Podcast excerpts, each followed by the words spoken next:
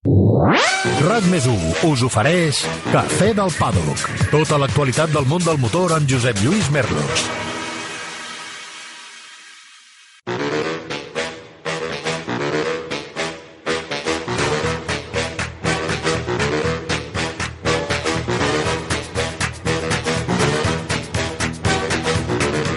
Què tal, com esteu? Quin cap de setmana més estrany, no trobeu? No ho dic pel temps, eh? Que també, sinó perquè diumenge em vaig quedar una mica descol·locat. Això que no hi hagués un gran premi ni de motos ni de Fórmula 1. Uf, és que pràcticament només hi havia motocross aquest cap de setmana i això em va deixar una mica estrany. Clar que també s'agraeix, no? Perquè això et fa assaborir més les coses. Et fa assaborir més la dimensió de qualsevol competició d'aquest nivell, sigui de motos o sigui de Fórmula 1, com les que tindrem, per exemple, aquest pròxim cap de setmana. Però això, sobretot, et fa reflexionar sobre moltes coses. I això és el que farem en el programa d'avui, en el podcast d'aquesta setmana. Reflexionar, perquè tindrem l'oportunitat de parlar sobre els límits de l'edat mínima per participar en el Mundial de Motociclisme, però també parlarem de la importància de saber suportar la pressió psicològica d'aquest esport. El que sigui, un esport en el que t'hi jugues la vida, no ho oblidem. I d'això parlarem també, de la vida, del respecte per la vida i de l'art en un cafè del Paddock, estimats amics, que jo crec que promet coses molt interessants, sobretot per la dimensió de la gent que avui ens acompanya. Avui, al Cafè del Pàdoc amb... Carles Checa, campió mundial de Superbikes i participant en més de 400 curses de motos. Gabri Rodrigo, pilot de Moto3. Efren Vázquez, expilot de Moto3. Marta García, pilot de les W Sèries.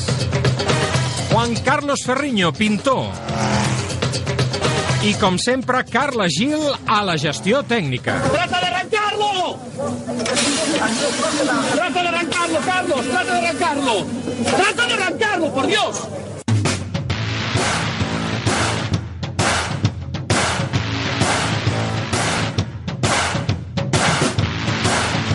Carles Checa anuncia que correrà amb un bugui la pròxima edició del Dakar.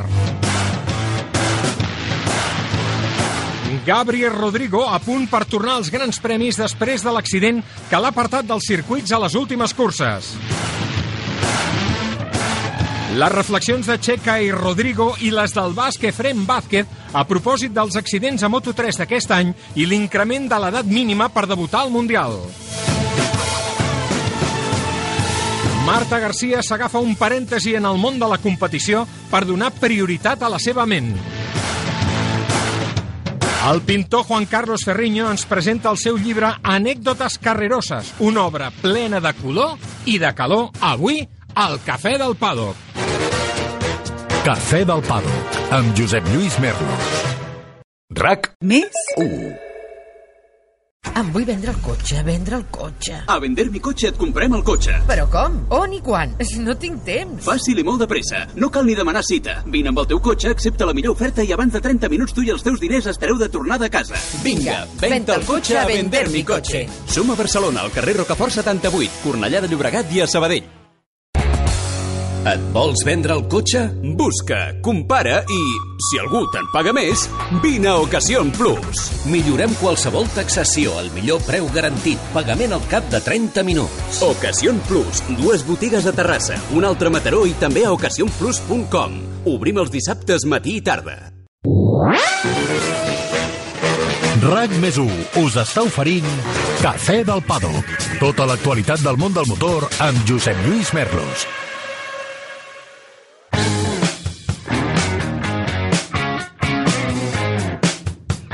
Sense més dilació entrem ja en matèria, com us dèiem, després d'un cap de setmana que se'ns ha fet molt estrany, sense grans premis, ni de MotoGP ni de Fórmula 1, aquest cap de setmana torna l'activitat i ho fa per partida doble.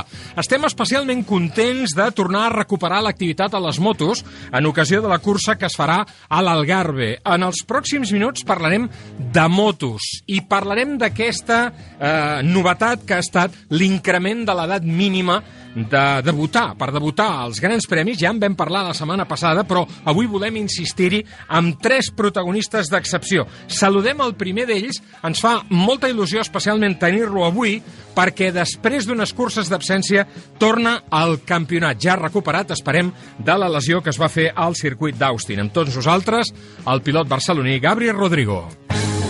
Què tal, Gabri, com Hola. estàs? Molt bon dia. Bé, bueno... Sí? Eh, Com et trobes? no al 100%. No?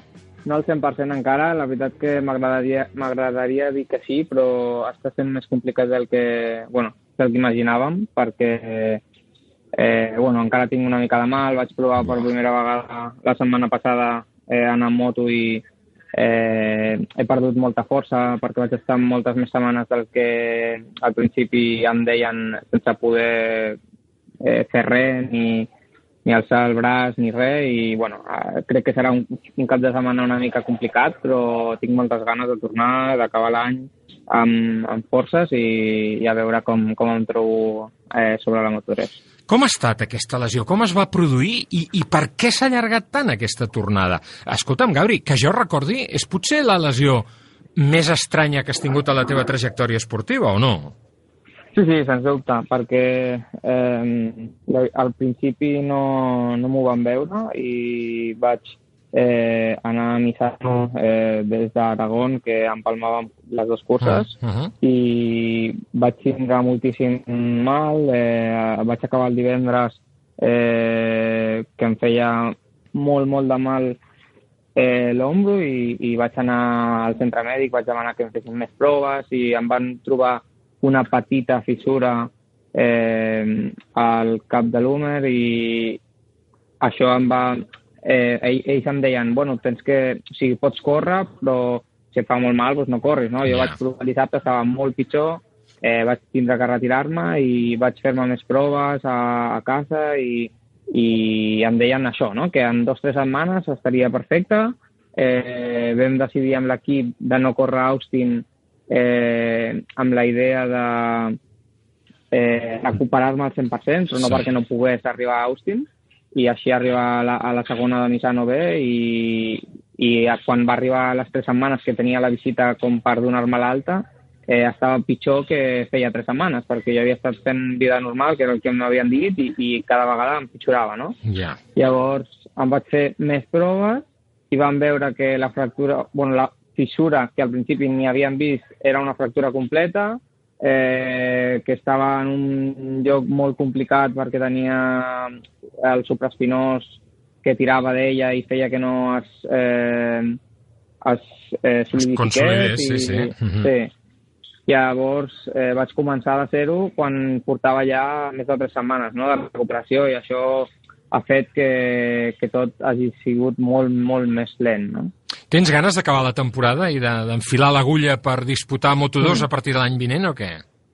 Sí, moltes ganes. La veritat que eh, crec que eh, és una categoria que m'agrada, que crec que se'm donarà millor. Al principi no, no, no seré dels, dels ràpids, com tots els rookies, però crec que s'adapta millor a, la meva forma de treballar, a la meva forma de pilotar i tinc moltes ganes, la veritat. Alguns pilots de Moto3, però, pateixen el primer any a Moto2, eh? No és una categoria fàcil. Què esperes d'aquest primer any? Sí, bueno, com tu has dit, és, és una categoria super difícil, amb moltíssima igualtat. Eh, jo la veritat que eh, vaig una mica sense grans expectatives, perquè crec que és el millor per afrontar un primer any com a rookie, no? Eh, intentar aprendre eh, el màxim possible, disfrutar. Eh, crec que l'equip en el que eh, estic, eh, estic molt bé, perquè no he començat a treballar amb ells, però eh, hem estat en contacte i, i el tracte ha sigut espectacular, tenen moltes ganes, crec que això és molt important, és un equip molt familiar, que també això em ve molt de gust perquè ells creuen molt en mi, han, han apostat per mi i això eh, em fa afrontar l'any amb moltes ganes i crec que puc aprendre molt d'ells. No? Llavors jo crec que aquesta és la filosofia, anar a poc a poc, intentar eh, agafar la màxima informació a totes les curses, tots els entrenos de, de l'hivern i, i veure de, de fer passos petits però sòlids, no? Ben, ben plantejat, sens dubte. M'agrada aquest plantejament que fas. Gabri, fa pocs dies llegia una entrevista que et feien, que et feia el meu amic Emilio Pérez de Rozas, i tu deies, Sí. "Mm, no m'estranya que a Moto3 hi hagin hagut els accidents. La setmana passada ja en vam parlar molt aquí al programa, però avui ho volem fer amb tu i amb altres pilots que ens aniran acompanyant en els pròxims vale. minuts. Um, tu deies, no m'estranya, eh, i, i de fet, eh, m'estranya que no hi hagin més morts dels que hi ha hagut, sí? Penses això, Gabri, realment? O sigui, no que ja, o sigui, no em refereixo a que aquest any tindrien que haver, Ja. eh, haver-hi hagut més, no? Perquè ja... ha Sinó en general, en global de la categoria, voldries dir, no? Sí, Mm. és com que aquest any s'han juntat totes eh, les tragèdies i, i ha fet com que eh, ens pensem, no? Eh, hòstia, eh, què està passant? Però crec que, que la sort ha sigut que els últims anys no hagin hagut més, no? Potser no tant com, com aquest any, Mhm. eh, que s'ha juntat tot, però, però eh, crec que al final, eh, per mi, hi ha com quatre factors eh, molt clars que, que fan que sigui una categoria tan perillosa i és que ara s'ha fet una igualtat molt, molt eh, gran, que és molt Sí, bo per, sí. per als pilots, saps que tot, tots hem lluitat per això, no? Jo quan vaig començar el Mundial que eh, hi ha encara pues, les motos oficials de 3-4 pilots, eh, pues, era molt més eh, difícil perquè sabies que per molt que fossis ràpid, pues, eh, si no tenies les armes no podies lluitar i això ho han eh, anat el- eliminant i això ha fet que, bueno, que, que hi hagin més curses amb, amb més grup perquè les motos són més iguals, llavors el nivell és, és més igual, no? A- Aquesta una. Després, l'altra, que els rebufos es, es, es noten massa, no? Llavors, eh, això fa que les diferències entre pilots, eh, per nosaltres a Moto3 no hi ha una recta, hi ha moltes rectes entre curva i curva i això pues, fa que és molt difícil escapar-te. Eh, després, que la caiguda típica de Moto3, que a les altres categories no, no és, és el high side, no? que és quan eh, surts volant i és la que et deixa a meitat de la pista. Llavors, eh, a MotoGP, quan et caus normalment, quasi sempre és de davant i tu vas cap a fora, no? Clar. En canvi, a les categories petites, amb, amb el pneumàtic estret, com no derrapa i quan derrapa et llença, pues, eh, et deixa a, a la meitat de la pista. Llavors, eh, això i, i potser el que tothom parla, però que per ser sincer és, és com que és la que menys eh, et diria que, que la considero important, que és l'edat, no? Que, Mhm. que al final fa que, que, bueno, que hi hagi pues, pilots amb menys experiència o, o el que sigui, que, que és més fàcil cometre errors. Llavors, aquestes quatre fan que si tu et caus i, i et caus i et quedes a la meitat de la pista, si venen 20 eh, a darrere teu, pues, potser un, dos eh, poden esquivar-te, però clar, al final eh, els altres 20 pues, tens molts números de que Clar. eh, t'atropellin. Sí, sí, és un tema el- estadístic, Per clar. mi, Mhm. el perill més gran no, de, de, de les motos, quan en teoria eh, una categoria com MotoGP o Moto2, on les motos són molt més passades, tindria que ser molt més perillós, perquè si t'atropella una moto d'aquelles és, és, és molt més dur a- al cop que Per t'emporta. la inèrcia però, del pes. Mhm. Clar, però, però els números que tens perquè et passi, eh, pues, és molt menor, Clar, jo crec. perquè hi ha menys pilots a la grella. Per tant, tu què penses d'aquesta decisió dels organitzadors del campionat de pujar l'edat mínima a 18 anys? No és la solució definitiva, això? Jo crec que no. Crec que està molt bé que, que tinguin iniciatives i, i, i aquesta és una de les eh, bones iniciatives i, i crec que està en la línia correcta, però crec que hi ha temes més de... Pues, no sé com, eh? però Ja. per mi el, el problema més gran és, és la facilitat que tenim en Moto3 d'anar tots junts. O sigui, quan vas a darrere d'un, eh, jo què sé, eh, va, a Jerez, per fer tu sol eh, 46, pues, Mhm. tens que anar molt ràpid. Clar. Però és que et fiques darrere d'un i ho fas amb una mà. O sigui, Clar, és que, perquè el realment t'ajuda moltíssim, clar. Clar, Sí, clar. llavors eh, això fa que les curses siguin en molts grups i jo, jo el que crec que es té que intentar eliminar d'alguna forma, que no sé quina és la forma, Mhm. però és eh, que no es senti tant el, el, el, el rebuf, no? Perquè Ja. és, llavors serà sempre una, una cursa amb, amb molts pilots i qualsevol petit error que tinguis una caiguda que la pots tindre amb 18, amb 25, amb 22 anys o amb 15, o sigui, això, saps, és eh, el de menys, eh, pues que et quedis a la meitat de la pista i això és el perillós. Gabri, tu quants anys tens ara? 25. Quan vas començar a córrer al Mundial? 18. Amb 18. I des de quan vas en moto? Des dels 13. Des dels 13. És a dir, vas arribar amb 18 anys, amb 5 anys d'experiència del que és una moto, i, sí. i ara tens 25 anys i per, per tant tens una perspectiva, creus, eh, i estic completament d'acord, eh, prou dilatada com per parlar amb coneixement de causa.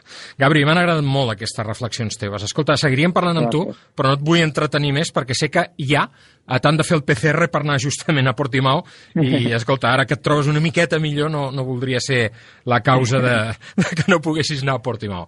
Gabri, eh, eh, que tinguis una bona cursa, que et trobis bé sobretot i que, i que puguis eh, fruir i sobretot conduir amb seguretat en aquesta prova. Seguirem parlant, i tant que sí, Gabri, de cara a la pròxima temporada de Moto2. Una forta abraçada i gràcies per atendre'ns i pel teu temps. Gràcies i ha sigut un plaer. Una abraçada. Va començar amb 18 anys, diu, i justament amb un any més, amb 19, va ser quan va començar a córrer amb una Moto3 del campionat FIM CEF, el nostre següent convidat en aquest cafè del paddock d'avui. Ell és eh, Leferen Vázquez. ¿Qué tal, Leferen? ¿Cómo estás? Gracias Hola. por acompañarnos. Buenos días, un placer. ¿Has podido escuchar a Gabri en algún momento? Sí, sí, sí. sí. ¿Estás de acuerdo con lo que él dice o no? Sí, hombre, Gabri además es uno de los pilotos con más eh, entereza y frialdad dentro del, del campeonato. Eh, yo tuve el placer de, además, bueno, además de haber sido rival de él, luego haber trabajado para él, ¿no? Uh -huh. Dentro de, del equipo en Moto 3. Entonces, sí, la, la opinió d'ell, des de luego, que, que la comparto. Uh, L'Efren, um, el qual he seguit durant molt de temps uh, en el Campionat Mundial de Motociclisme, ha publicat recentment un text a Facebook que per mi és demolidor un text que ara compartirem vosaltres i que us vull llegir perquè realment em sembla que resum d'una manera extraordinària la realitat de la situació. I per tant aquest text de l'Eferen que ara escoltareu, junt amb aquestes reflexions que ha fet el Gabri, aquests quatre punts, igualtat, rebufs, high side i l'edat com a menys important, yo penso que, que té un valor extraordinari. Si me permites, Efren, voy a compartir con nuestros oyentes tu texto en Facebook porque me pareció extraordinario. Y, y, dice lo siguiente. Bueno, pues finalmente han tenido que pasar varias desgracias para que esto suceda. Lo siento en el alma por los críos, las familias, amigos y equipos que han vivido todo esto. Yo entré en el Mundial con 21 años, és a dir, amb 3 anys més dels que tenia el Gabri.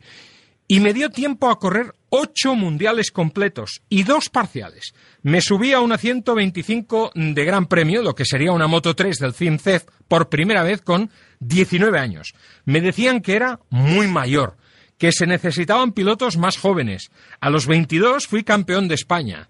¿Más jóvenes para qué? Para que luego con 28 años te saquen de una categoría como la que es un campeonato del mundo de Moto 3? Bueno, campeonato del mundo no podemos decir que sea, cuando hay un límite de edad de 28 años. Para mí es un mundial sub-28 de Moto 3. Pero bueno, lo que es importante es que se quite esa mentalidad de que hay que llegar joven. Mi opinión es que deberían quitar el límite de edad, porque si no, ahora tendrán también menos años para despuntar y subir. Y recordemos que en MotoGP, con 28 años, las marcas no te quieren como debutante. A esa edad empiezas a pensar en tu futuro y tu estabilidad, y eso casi siempre resta velocidad. Recapacitemos del todo. Mundial. Es un mundial, edad mínima 18 años, mayoría de edad al profesionalismo.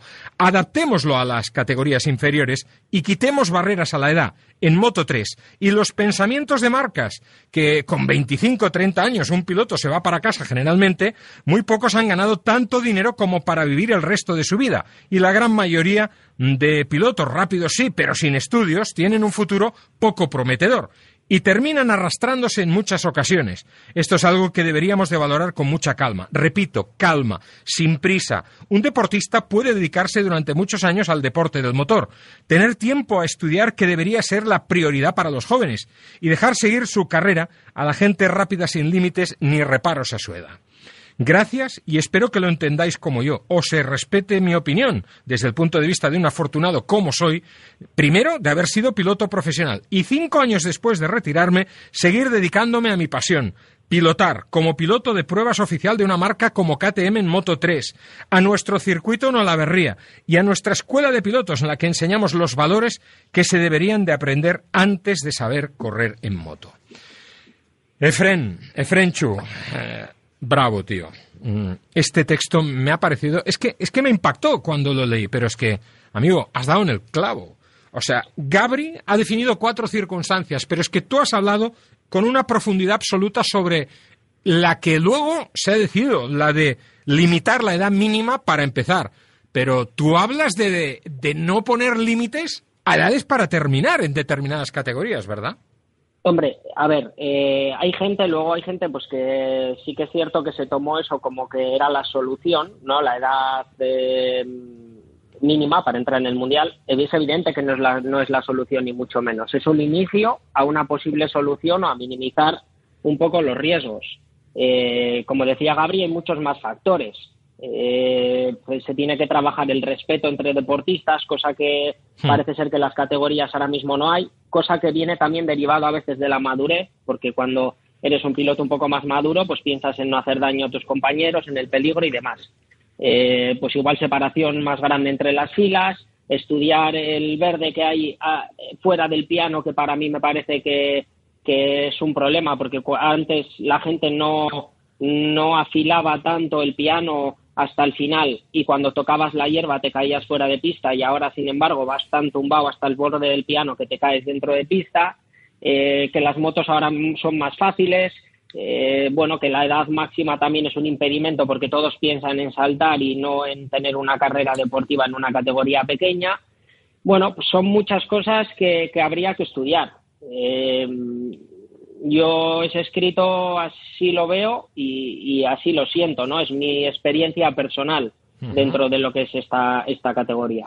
Cuando, cuando yo empecé a seguir eh, los grandes premios in situ en el Campeonato Mundial de, de Velocidad, primero para la revista Motociclismo, luego para Solomoto y para TV3, yo me acuerdo que en, en la categoría pequeña, en 50 primero y luego en 80, había pilotos realmente muy veteranos. Y me acuerdo de gente como Hans Spahn, como Stefan Dorflinger, eh, pilotos que tenían una cierta edad, luego me acuerdo de Jeremy McWilliams, que estuvo pilotando, me parece, hasta los 42 o 43 en, en, en categorías intermedias, pues había gente que, oye, si no cambiaban de categoría, pues no pasa nada, no pasa, no pasa absolutamente nada. Y ahora eh, parece como si hubiera una presión de que si no llegas a MotoGP por debajo de los 20 años, eres un, un loser. ¿Tú cómo lo ves? ¿Este es el problema? Bueno, yo creo que es, eh, sí, a ver, es una realidad lo que hay. No- para mí, no, igual no es el problema, simplemente el problema. Ajá. Es una realidad. Es que si no llegas a MotoGP con 20 años, eh, parece que tienes tu carrera terminada. Eh, bueno, eh, ¿qué es lo que hace esto? Eh, sí que es cierto que hace que cada vez se vaya renovando más la parrilla, que cada vez se dependa menos de los patrocinadores, pues porque los pilotos de cierta edad ya son pilotos que viven de las carreras y cuando un chaval llega joven, pues llega con patrocinios, con dinero familiar, tal, tal. Entonces, esto hace renovar un poquito a la parrilla. Y luego, por otro lado, eh, sí que es cierto que, que, claro, que con 20 años no tienes ni idea absolutamente de nada, pero es que si con 25 luego te vas a tu casa, ¿qué tipo de futuro es el que Claro. realmente tienes, no? Yo, ostras, me considero un afortunado, pues porque por parte de la familia de mi mujer tenemos un circuito y porque he podido seguir vinculado al mundo del motor. Eh, pero claro, te ves fuera de un campeonato del mundo, pues como me pasó a mí con 29 años, que para Moto 3 eres mayor, pero para Moto 2 eres pequeño, eh, llevaba 18 kilos de lastre la moto, bueno, esa normativa se ha ido cambiando y ahora es un poquito más sencillo. Entonces dices, bueno, con 28 años, ¿qué haces? ¿A qué te dedicas? Eh, ¿Tienes un estado físico óptimo? Porque a día de hoy, con 35, sigo de piloto de pruebas de KTM. Quizás no rodando al ritmo del récord de un circuito, pero sí para estar peleando en el grupo de cabeza en un Mundial de Moto 3 y, no tienes cabida ¿no? dentro de esa categoría. Entonces, la edad también da madurez, da respeto eh, y da disciplina dentro de las categorías, ¿no? Y bueno, pues eso también exime un poquito del riesgo de lo que pueda tener ya una categoría igualada de por sí, que es el Moto 3. Según tengo entendido, Frencho, eh, con Ángela sois padres, ¿verdad? No, no hace mucho, pero habéis sido Sí, padres. tenemos, tenemos dos niñas. Ah, dos, ya tenéis, Sí, joder. una de, una de dos años y otra, la mayor, que tiene 14. Entonces, claro, nosotros pues ahora vemos las cosas Claro. con, de un, con un riesgo o de una manera pues Claro. que, que quizás antes no veíamos. Y sí que es cierto pues que eh, ahora en las categorías pequeñas hay una igualdad, una tensión, una falta de respetos, derivado también de la presión de las familias, de, de ese dineral que cada año van arrastrando, pues que, que, bueno, que al final hacen que se convierta en una guerra. Para el espectáculo fantástica, pero el riesgo se incrementa también exponencialmente. Cuando te he preguntado lo de ser padre, porque cuando eres papi, eh, coges una perspectiva de- del mundo de la competición distinta. Cuando yo traje a mi hijo pequeño al mundo del karting por primera vez para que compitiera, tenía 11 años, 11. Eh, coincidió precisamente con tu mujer. eh, Con Ángela, Con sí, Ángela, me lo sí, dijo, sí, sí. sí, sí. Y, y cuando, cuando yo traje a mi hijo allí, eh, todos los equipos me echaron una bronca del copón bendito, porque me dijeron, pero, pero, Josep Luis, pero ¿cómo puede ser, joder? Con la experiencia que tú tienes en este mundo, pero ¿cómo has tardado tanto en traernos a tu hijo a competir aquí? Pues claro, ahora mira a tu hijo, que era un bigardo, eh, medía muchísimo, un tío muy alto. Eh, Pero ¿cómo has traído a tu hijo tan tarde? ¿Y ahora qué vamos a hacer con él? Pero eh, de verdad que lo has hecho muy mal. Y yo me fui a casa jodido el primer día porque dije, pues he sido un mal padre. Pero luego yo pensé, coño, eh, mm, ¿no le he dado escolarización a mi hijo? ¿No le he dado de comer? ¿No lo he llevado al médico cuando se ha encontrado mal? ¿Es que no le he pagado la ropa? Y dije, oye, que se vayan a tomar viento esta gente, pero ¿de qué coño me están hablando? Pero, eh, Frencho, que me sentí mal en el primer momento. Me sentí mal padre, claro. Te meten esta mentalidad en el cuerpo y te quedas hecho polvo. Sí, sí que es cierto. A ver, eh, tú piensas, también mi manera de ver las cosas es que eh, estas edades tan tempranas en el mundo de la competición y sobre todo tan tempranas para llegar al profesionalismo, eh, crean eh, chavales frustrados, porque hay un gran número de pilotos, diría que la gran mayoría, que no llegan al mundial.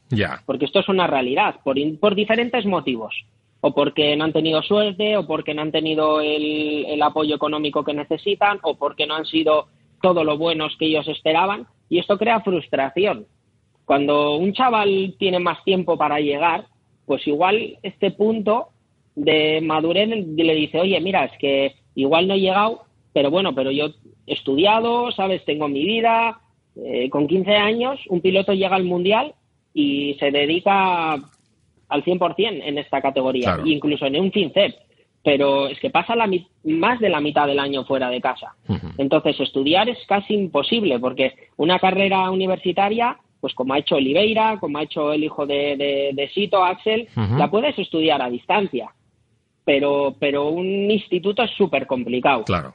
Y, hombre, yo creo que soy partidario más de la formación, de que tengan, no tengan ninguna prisa. Y me quedo con una entrevista que leí el otro día al hijo de Troy Bayliss, que va a ir al Campeonato Sí. del Mundo de Super Sport con Sí, Ducati. correcto. Y me quedo con una frase que dijo, ahora ya tengo 18 años, he terminado mis estudios y me puedo dedicar profesionalmente a la moto, que era lo que quería. Terminar mis estudios, pues que habrá hecho, me imagino, su bachillerato, habrá terminado y ahora ya me puedo dedicar a, la- a las motos y el día de mañana pues terminaré mi carrera universitaria o lo que o mi formación que quiera hacer. Pero ya tengo mis estudios básicos para dedicarme el día de mañana a lo que sea. Ya puedo viajar. Yo creo que esto debería de ser algo, algo fundamental. Pero ¿Qué? hay que seguir trabajando. Qué bueno, qué gran reflexión, Efrenchu. Te lo agradezco muchísimo, por supuesto que sí. Oye, mira, vamos a incorporar ahora a la conversación a un chaval joven eh, que dice que se va al Dakar ahora. ¿eh? Se va al Dakar y va a correr el Dakar eh, con cuatro ruedas. No se le dio mal, por ejemplo, su trayectoria anterior en el mundo de las dos ruedas. No se le dio mal, nada mal, porque llegó a ganar algunas cosas. Bueno, campeón del mundo, concretamente. Campió del món de Superbikes i expilot de MotoGP. Carles Checa, com estàs, estimat amic? Pues molt bé, mira, estava escoltant molt, molt atentament i molt interessant. Quants anys tens, Carlitos? Eh, suficients. bueno, tinc la- tinc la- tinc l'edat ja per anar al Dakar, eh? A ser gran. Tens l'edat per anar al Dakar. Escolta, Amb cotxe, amb cotxe. amb eh? cotxe, amb cotxe. Sí, amb moto, amb moto, amb moto són més joves. Uh, mm, amb quina edat vas debutar al Mundial? De, de, Eh, de jo vaig debutar, si no recordo malament, l'any 93 al circuit de Catalunya i tenia, pues, mira, 21 anys. 21 anys, 21 anys. Va ser de Wilcar. Ara et fotrien fora, pràcticament, en 21 anys. Sí, bueno, eh, sí, eh, ha canviat molt, no? Però ha canviat molt amb la moto, ha canviat molt amb tots els esports. Mm. No només al món de la moto, no? Tot és molt més prematur i ja comences a fabricar l'esportista, el comença a fabricar el pare, no? Bàsicament, perquè Clar. 4 o 5 anys és més la mentalitat del pare que no del nen. I, i bueno, ja, i, però això jo crec que en general, en tots els esports, Clar, eh? clar. Tot, tot s'ha adelantat i està, està clar que si vols ara estar a l'èlit has de començar per aquí, perquè si no ja vas cuando Carlos apareció en los grandes premios, eh, y antes incluso, yo me acuerdo en las carreras de- del Campeonato de Cataluña, en la Copa Rieju, eh, donde, donde vi a, Checa correr por primera vez, él aparecía, como casi todos, eh, acompañado a su padre. El caso del padre de Carlos es excepcional, porque siendo como es un apasionado de las motos, él contagió su entusiasmo a Carlos, pero también a, su otro hermano, al Cherokee, eh, la verdad és que sempre supo mantenir una distància. Carlos, això és important, no? Perquè el teu pare, tot i que doncs, doncs, un apassionat, com, com, com jo, que, que també he estat pare de pilot, sempre va saber mantenir les distàncies. És un cas eh, inèdit de poc intrusisme, el del teu pare, en la teva trajectòria professional, no? Sí, bueno, volia saludar. Hola, Frencho, que antes no, salu- no te saludaba. Hola, Carlos. Te he escuchado muy atentamente, muy, muy interesante. Pues, no, mi, mi, el meu pare, pues sí, sempre va tenir una distància important. Jo ja tenia poder una edat i podia un temps ja corrent i tal, que, bueno, que ja, ja no era allò el nen petit que, que anava de la mà del pare, no? Ja. El meu pare m'acompanyava, però, però no em portava, no?, per dir una Mhm, manera, mhm. i, i no depenia d'ell tampoc. Llavors, bueno, la veritat és que el meu pare sempre ha vingut més com a espectador que no com a actor i, Clar. bueno, ell ha estat allà al seu lloc molt bé, ho ha disfrutat eh, i sobretot i, bueno, i crec que, que era una altra època, no? no Sí. Segurament els pares no, no tenien tant, tanta, tant protagonisme pel fet de que els pilots, com heu parlat molt bé abans, ja teníem una certa edat i ara una madurez i ja sabíem anar per, per nostre compte. Eh, Frenchu, yo escribí una vez y hubo quien se cabreó y bastante por ello. Luego dejó de dirigirme la palabra y pues mira, eh, que esta persona que se cabreó conmigo dejara dirigirme la palabra fue uno de esos regalos que me ha dado la vida, porque él se ha ahorrado el mal trago de tener que, eso, conversar conmigo y yo también eh, me he ahorrado el, el, pues el, el hecho desagradable de tener vinculación con esta persona. Yo escribí en su momento que el piloto ideal tendría que ser huérfano. A lo mejor se me fue la olla, pero, pero es, que, es, que, es que lo sigo pensando, Efrenchu. Hombre, a ver, eh, el padre tiene que ejercer de padre. Bueno, Ujú. y es que yo también he tenido mucha suerte. Mi padre es fontanero. Entonces, de motos tenía la idea pues que pues que tienes de lo que puedes percibir por la tele. Ya. Entonces, yo ya con 15 años fui campeón de España y Criterium y luego estuve dos años sin correr en moto. Dejé de correr por completo y a los 18 pues salió lo de la Copa Movistar otra vez Ujú. con la CBR 600 y, y bueno, pues me quise apuntar. Ya en aquel entonces mi madre estaba, estaba enferma de cáncer y mi padre me dijo que él ya no me acompañaría a las carreras y que ya era una decisión mía y que me buscase la vida por completo. Y yo tenía 18 años y bueno, pues ya a partir de ahí ya fui solo a las carreras, me busqué la vida para encontrar el presupuesto para correr, ir a hacer la prueba de selección. Bueno, ya él al- rara vez iba a alguna carrera pues a verlo, incluso a Aragón, al Mundial solían ir a la grada, que la gente cuando les veía la grada se, se sorprendía, ¿no? Eh, bueno, mi padre hizo de padre. eh, yo creo que también he sido un chaval pues muy de barrio y muy busca buscavidas y bueno pues eso también le eximió un poco a él de- del tener que estar detrás mío y, y llevarme, ¿no? Entonces yo he tenido he tenido suerte, pero a mí me parece que el padre sí que tiene una pieza fundamental en esto, pero debería de ser simplemente el padre. O sea, el niño con 14 años ya, el padre, a nivel deportivo, creo que poco le puede enseñar. Y a nivel apoyo moral le puede dar muchísimo. y, y tendrían que darle más, más, más apoyo moral a los chavales, pero hay una, una aliciente grande que Carlos seguro está de acuerdo conmigo, que es eh, el esfuerzo económico que hacen las familias, ¿no? Entonces, bueno, pues una cosa un poco, a mi parecer, compli más compleja de lo que de lo que de lo que parece. Què penses d'això, Carlos? Sí, no, totalment d'acord, no? Està clar que, que quan el pare et porta al circuit, t'acompanya tota la vida i tal, llavors desprendre't d'allò i està clar que en el Mundial hi ha, hi ha gent molt professional, gent que es dedica a això, molt més ben preparada, però donar el legat no, a una altra persona pues no, no és fàcil per un pare, ja ho puc entendre, no? Llavors, a cada, en cada cas i en cada família jo crec que s'ha de tractar diferent. Primer conèixer el pilot, conèixer els pares, uh -huh. les circumstàncies, i a partir d'aquí, pues, òbviament, no? doncs, eh, si tu tens una persona de confiança absoluta, que costa molt, eh?, donar-la amb algú extern, Sí. i, i més eh, doncs, quan saps que, que al final doncs, eh, tu estàs allà i un altre dia estàs en un altre lloc i compta no el que ets, sinó el que fas cada cap de setmana, no? Uh Mhm. -huh. Llavors, bueno, el teu pare sempre la valorarà per el que ets, no per el que fas. I, i crec que aquí, bueno, eh, jo crec que és un tema de sentimental, d'emocions i que s'han de saber portar, i no és fàcil, però és un pas obligat.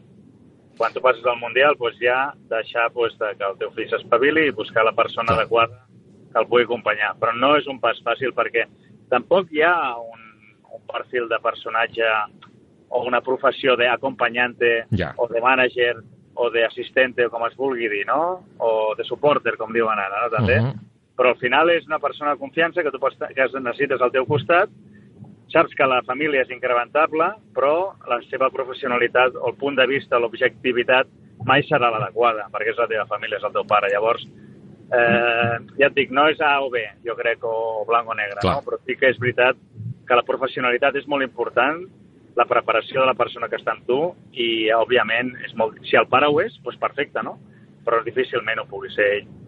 Abans, abans de parlar amb l'Eferenxu, hem tingut l'ocasió d'escoltar les reflexions que ens feia el Gabri Rodrigo i ell ha destacat mm, com a, a justificant de l'increment d'accidents que hi ha hagut a Moto3 enguany eh, quatre factors. Ha parlat de la igualtat mecànica, ha parlat de l'aportació del joc dels rebufs, és a dir, del, de, del protagonisme que tenen els carenats, de que la majoria de caigudes que passen a Moto3 són els high side, que a diferència d'un high side a MotoGP, on vas a patar fora de la pista, aquí et deixa al mig de l'asfalt, i ha dit que l'edat potser és el menys important. Tu què penses d'aquests eh, factors i sobretot, Carlos, d'aquest últim, sobretot ara que ja sabem que a partir de l'any vinent caldrà tenir mínim 18 anys per, per debutar al campionat eh, mundial. És a dir, que Pedro Acosta, per exemple, que està a punt de guanyar el títol de Moto3, mm, no, no, no ho hauria pogut fer perquè no tindria, no hagués tingut aquesta edat mínima quan va debutar aquesta temporada a, Moto, a Moto3. Bueno, no m'he acabat de llegir bé el reglament, sí que vaig veure aquesta notícia, però no sé si és començar la casa per la taulada. Mm. El que s'hauria de fer és, és començar a limitar les, les categories base, Mm. les petites, no? I que això ja et fes arribar als 18 o uns 19 al Mundial, que suposo que és el que s'ha plantejat també, entenc, eh? Uh -huh. No té sentit de començar tant d'hores si després no pots fer el salt, no? Això per un costat. Mm, Jo tampoc vull dir que sigui desplaçar a, a, no vull dir el problema, perquè no és un problema, Sí. eh, és, un- és un drama, no?, que pugui haver un accident i pugui haver un, un mort, però, eh, clar, que la maduresa no va sempre en relació amb l'edat. La maduresa d'una persona, tots ho coneixem en la nostra vida quotidiana, en el nostre entorn. Hi ha gent molt jove que és supermadura i hi ha gent d'edat és molt immadura, vull dir que ja no n'hi ha més. Però, però vull dir que al final eh, jo crec que està bé, és una decisió que crec que està bé, i llavors pues, passa per analitzar i per fer més coses, jo crec. Està des de, no sé, des de, eh, havíem comentat, ara seria qüestió de sentar-se i veure els pros i els contres, però amb l'electrònica i al moment que estem ara, una llum vermella, que és una cosa molt senzilla, doncs és molt fàcil de posar la moto. Ja. I si hi ha bandera vermella, doncs una llum vermella que t'il·lumini, no? que t'enlluerni, que si fa falta. Uh -huh. I, i, I actuar sobre el motor ja és més complicat, no? Aquí s'hauria d'analitzar, a veure si es pogués treure... Perquè està clar que si et cau un tio davant i, i te- et cau a dos metres, eh, és que poc pots fer. Ja. És que poc pots fer, no? Perquè no hi ha avís que sí, Parece ser que ya tienen, ya hay un estudio, Carlos, sobre esto, de a través, me parece que de Christian Lumber también, que alguna manera de poder limitar las motos como un pit limiter en el, en el momento desde dirección de carrera. Bueno, pero es que esto, eh, Frenchu, esto es muy fácil. Eh, eh, en tu casa tenéis un circuito, no la berría, y allí y- yo me imagino que en los cars de alquiler que, que tenéis, allí se puede limitar eh, a distancia el régimen Nosotros de giro de un... no lo tenemos. No lo tenéis. Nosotros no lo tenemos. Pero hay muchas pistas que... lo tienen esto. Eso es, eso es, eso es. Me imagino que un circuito será más complejo, pues por Ya. la por la dimensión que tiene el circuito, Sí.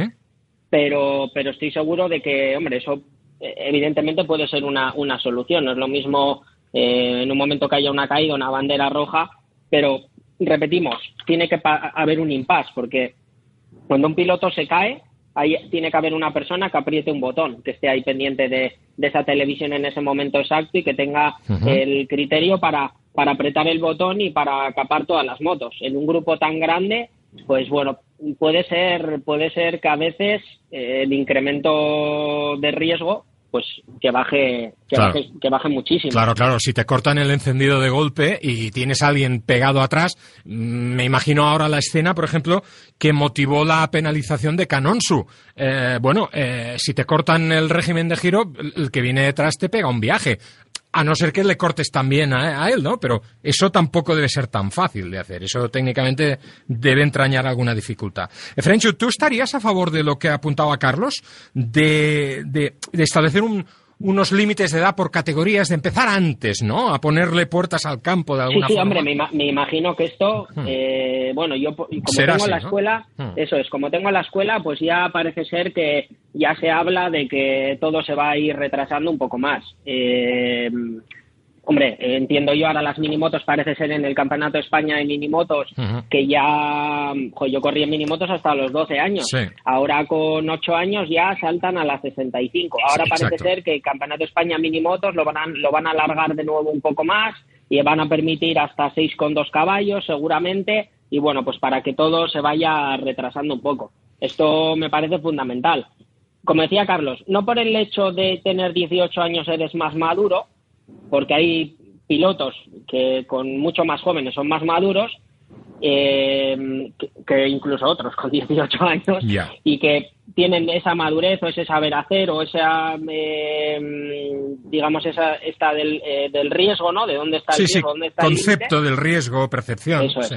Pero luego, pues por otro lado, vemos pues con el caso de Acosta. A mí Acosta este año, pues si todo va como tiene que ir y esperemos que sí, puede ser campeón del mundo. Pero Acosta hubiese sido campeón del mundo este año, hubiese tenido las cualidades para ser campeón del mundo dentro de dos años o dentro de tres. Me explico, no, no le va a cambiar nada al piloto. Ya. Y sí que, bueno, pues quitas eh, que el profesionalismo esté delimitado a una edad de 18 años, porque al final ahí un crío con 18 años, con menos de 18 años, debería de ir acompañado de un tutor legal a todas las carreras Claro. del Campeonato del Mundo. Claro. Con 18 años es mayor de edad para elegir y tiene la mayoría de edad para elegir lo que quiere hacer o lo que no quiere hacer. Al menos la Si teórica. viajar. Eso es, eso es. Al, al menos legalmente, legalmente. Entonces yo creo que es un paso, pero es que hay muchísimas cosas más que hay que hacer por detrás que, que la edad. La edad es pues algo que va a dar que hablar, bueno, va a ser la manera, vamos a ver qué pasa, pero no, no, hay un montón de cosas. Es que el tema, pues lo que decía Carlos, hay tantísimos factores Sí. Mira, que, que este es uno. Mira, eh, es- tengo delante, eh, me he bajado algo que me ha impresionado mucho en los últimos días, que es la lista de inscritos de la final mundial de mini GP, de mini GP. Y aquí hay tres factores que a mí me han llamado mucho la atención. Las edades. Eh, hay pilotos que, que compiten con 14 años, pero en la misma parrilla van a coincidir con pilotos que tienen 10 años. Y yo lo siento mucho, ¿eh? pero la expertise, la picaresca, el conocimiento de pilotaje de un niño de 10 años no tiene nada que ver con el de uno de 14, por, por, mucho, que, por mucho que se haya bregado anteriormente. Oye, y te lo dice alguien que es padre de dos hijos y que subió a los dos a los cuatro años a una moto con marchas, porque, porque, porque, por- pues porque creí que era bueno para su formación subir a mis hijos a una moto con marchas con tan solo cuatro años. Y además mi mujer estuvo muy de acuerdo conmigo con esto, o sea que eh, yo no estoy libre de, entre comillas, pecado tampoco, pero eh, no es lo mismo cuatro que diez, ¿no? Em, eh, pesos y alturas. Veo que hay chavales que llegan, el que pesa más en esa final de mini GP pesa 48 kilos.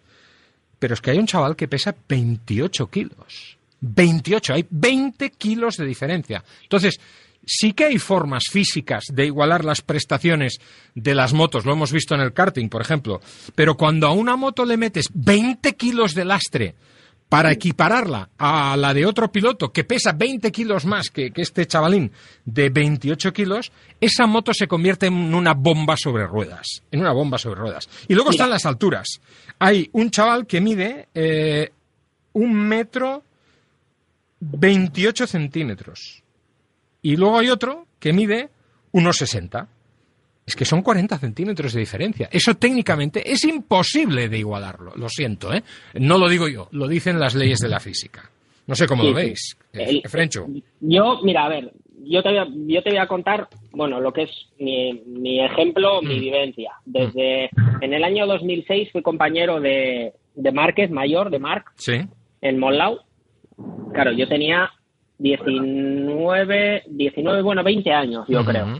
Ujú. Marc acababa de ser campeón catalán de 125. Sí. En aquel entonces, no me quiero equivocar, pero pesaba en torno a unos 30 kilos, Exacto. 32 kilos. Sí. Era súper chiquitín, súper chiquitín, súper delgadito.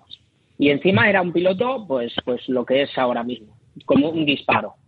Entonces se montaba en la moto, la, además de que en las curvas iba rapidísimo, luego en las rectas, pues, pues era un, un misil. Estaba acompañado de pilotos que peleaban con él, como era el caso de Danny Webb, que también era súper pequeño, que tenía Ujú. 12 o 13 años, de Sí. Jonas Folger, que era súper chiquitín también. Y aquel año eh, los pilotos del Campeonato España todos eran súper pequeños, los que estaban delante, ¿no? Y al año siguiente, en el año 2007, pusieron el peso mínimo de- que había en el Campeonato del Mundo, lo pusieron en el Campeonato España. Marc sufrió muchísimo Me aquel acuerdo, año, muchísimo, me muchísimo. acuerdo, me acuerdo. Tuvo muchas caídas raras, pues Ujú. porque al final, claro, tienes que lastrar la moto pues con, con 20 kilos. Llevaba peso en el mono, llevaba peso en la moto, bueno, era, era una salvajada.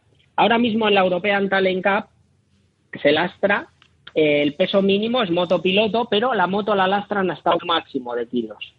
Aún así, el piloto ligero está muy por encima del piloto pesado, porque Claro. esa normativa lastra la moto, pero siempre va a haber un hándicap, eh, una diferencia de más o menos entre 5 y 10 kilos con un tío grande. Que es un mundo. Entonces, Que es un mundo. mundo, es un mundo, efectivamente. Pero hay otra parte, por ejemplo, yo en Moto 2 no tenía futuro y, y esto me arrepiento de haber ido a Moto 2 muchísimo porque tenía que haber optado por la vía del Superbike aquel año que tenía presupuesto para haberlo hecho o del Super Sport. Mika Kallio me dijo, si vas a Moto 2, tu carrera deportiva va a terminar. Porque el año que Márquez, yo creo que fue Márquez o Rabat, eh, fueron campeones del mundo, ya se puso un peso mínimo en el Mundial de Moto 2. Hmm. Yo tenía que llevar 18 kilos. Me dijo, tú ya, Efren, eres un piloto pequeño, con una moto que te va a costar mover mucho, porque una Moto 2 es una moto muy pesada. Acuérdate del primer título de Tony Elías, por ejemplo. Eso es, el primer título de Tony Elías fue sin peso. Claro. O sea, eh, luego ya años después se puso. Pero tú suponte, luego esa, esa regla ha frustrado la vuelta atrás de muchos pilotos, como el caso de Barberá, como el caso de Calio, de pilotos pequeños. Un piloto con 18 kilos en una moto 2 es imposible por- de, de hacer. Ya no solo por el peso de la moto, sino porque dónde lo colocas, de qué manera lo colocas, el reparto de pesos. Y otra cosa fundamental, y uno de los accidentes más graves que tuve yo fue en Austin.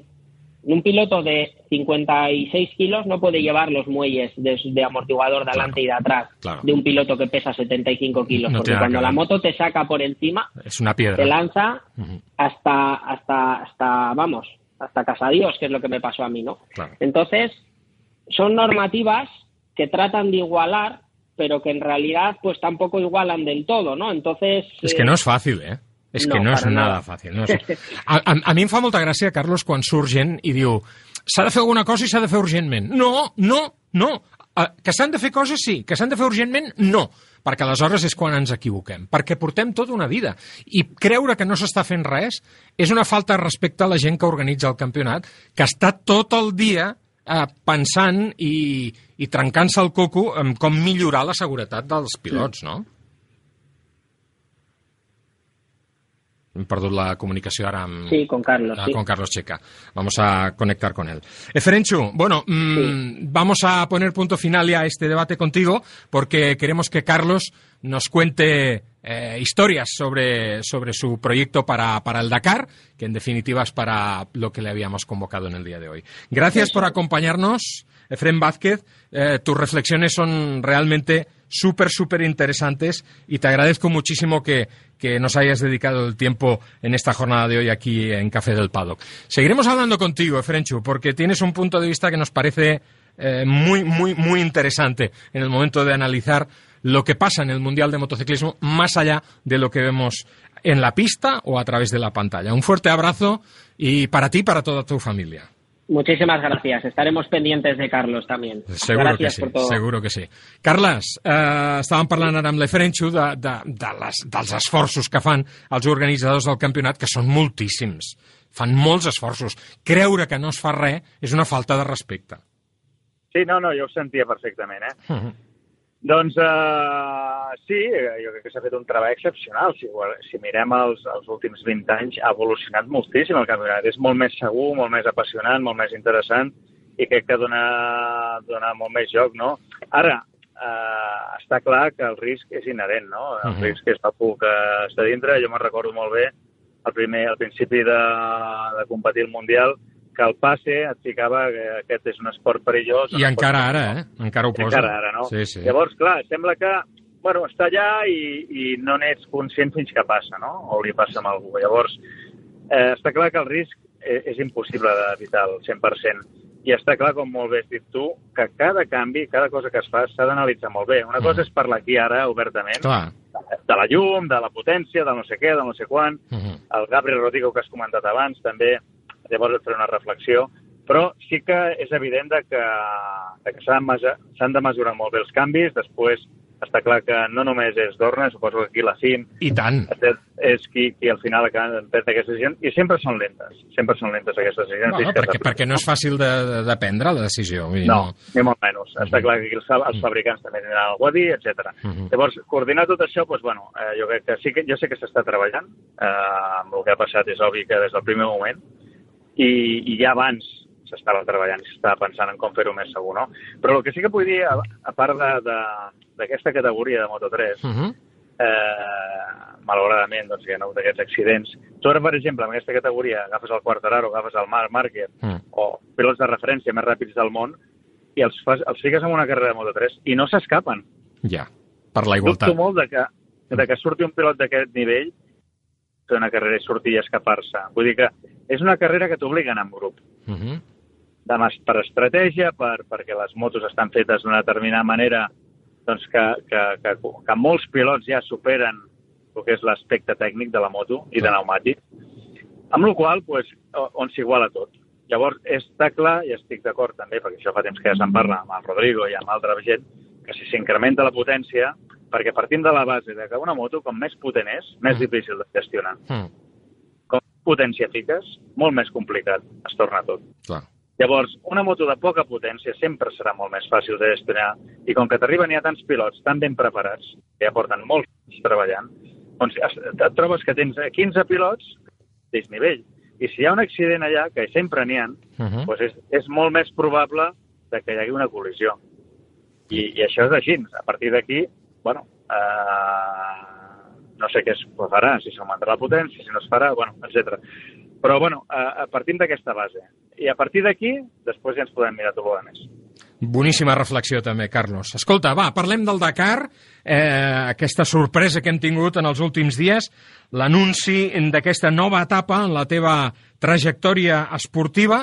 Ara entenc totes aquelles participacions a l'Endurrock, a, a la cursa de clàssiques... Clar, tu ja estaves pensant en, en igualar el palmarès del Peter Hansel. no, no, això. He de tornar a néixer i no sé quan són. Per, Com? per, per, per acostar-me. No, home, no, jo... aviam, el, el tema és que, que a mi sempre m'ha agradat, uh, com tu molt bé ja saps, sempre he sigut molt inquiet, m'ha agradat practicar sempre molts esports, i tot el que sigui velocitat i, i algo de risc, entre cometes, no? però sobretot velocitat, doncs m'apassiona, no? He estat molts anys al món de la competició en pista, amb asfalt, també he fet molt, moltes vegades enduro i algun ride, i després vaig, vaig per una lesió doncs vaig passar a les quatre rodes perquè volia fer un ride, el de Merzuga, uh -huh. i, i amb una lesió que tenia doncs no podia fer un moto, i vaig dir, bueno, va, doncs provo amb, els, amb uns buguis, no?, amb un Polaris, i vaig participar aquí al Panàfrica, a partir d'aquí em va agradar i, bueno, vaig dir, ostres, pues, uh, ja vaig pensar en el Dakar en aquell moment, no? Òbviament, mm. em hagués agradat fer un moto, però en moto pues, ja no tinc el xassis jo per, per tantos maneos, tio, i ja el tinc una mica ja pedaçat. I dic, hòstia, ens hem de cuidar una mica ara, no? I, i bueno, pues, a, a anar amb cotxe era una alternativa perfecta, no? Uh -huh. que, que he trobat, he, he trobat uh, l'equip i, i el cotxe i el copilot ideal per un primer any. Hem fet uns testos i, i si hi havia algun dubte, perquè quan dius, va, prenc una decisió, vaig cap allà, no?, amb tot el que comporta, perquè ens liarem bastant.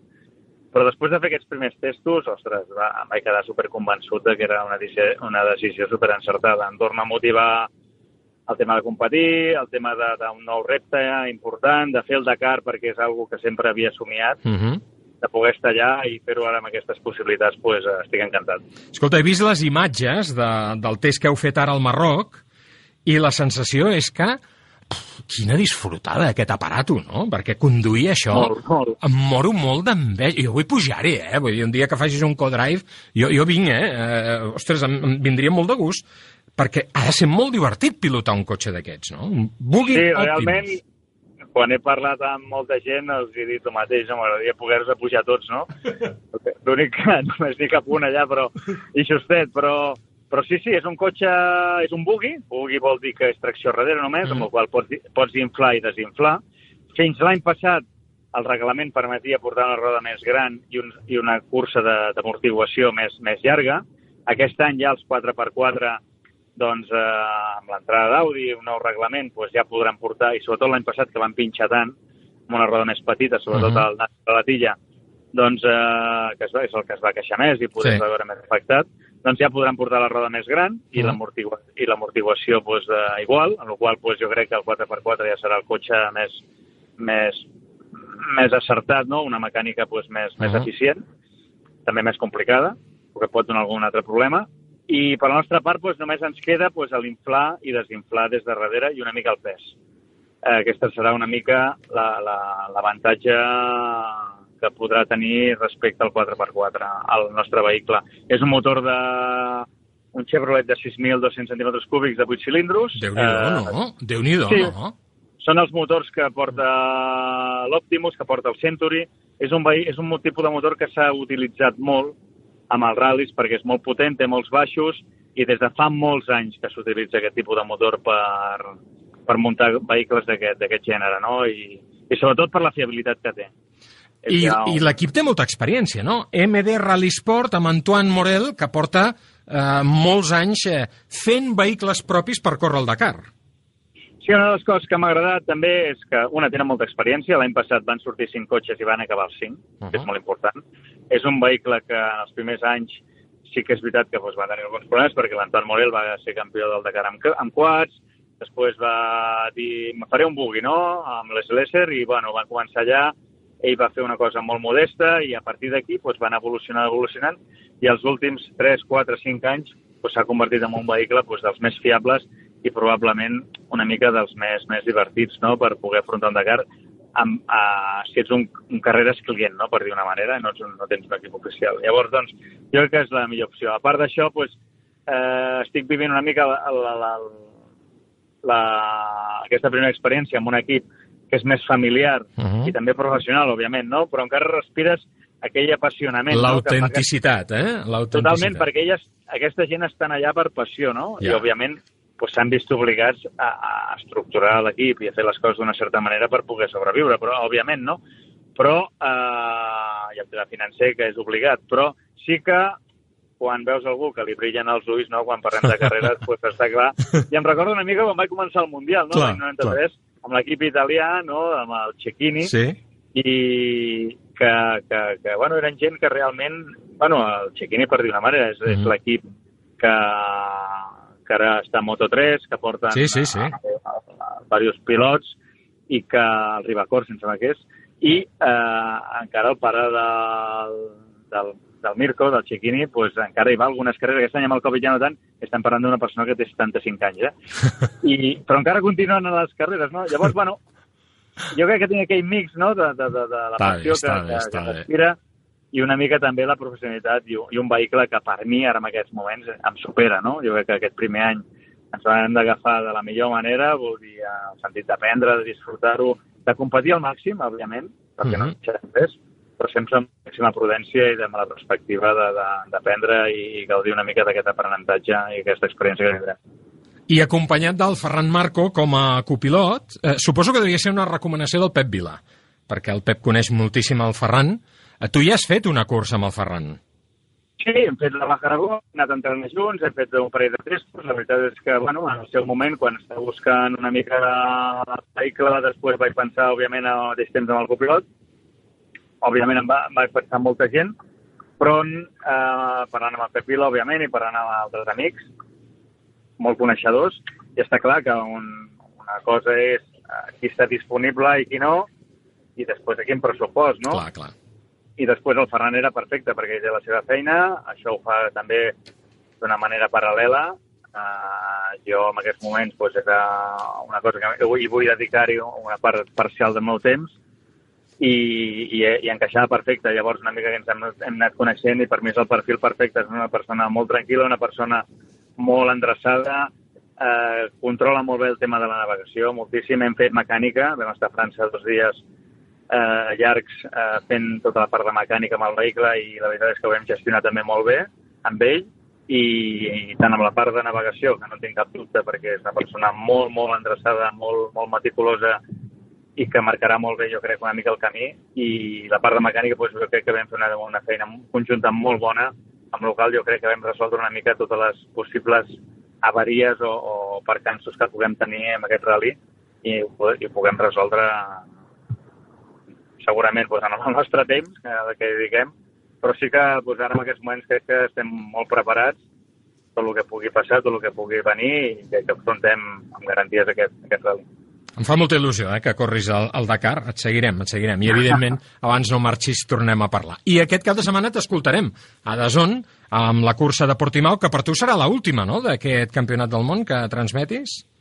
O Sí, vas a. València, també? No, a València hi va A l'Àlex, València, no? en principi, no hi he d'anar-hi, en Mm. principi.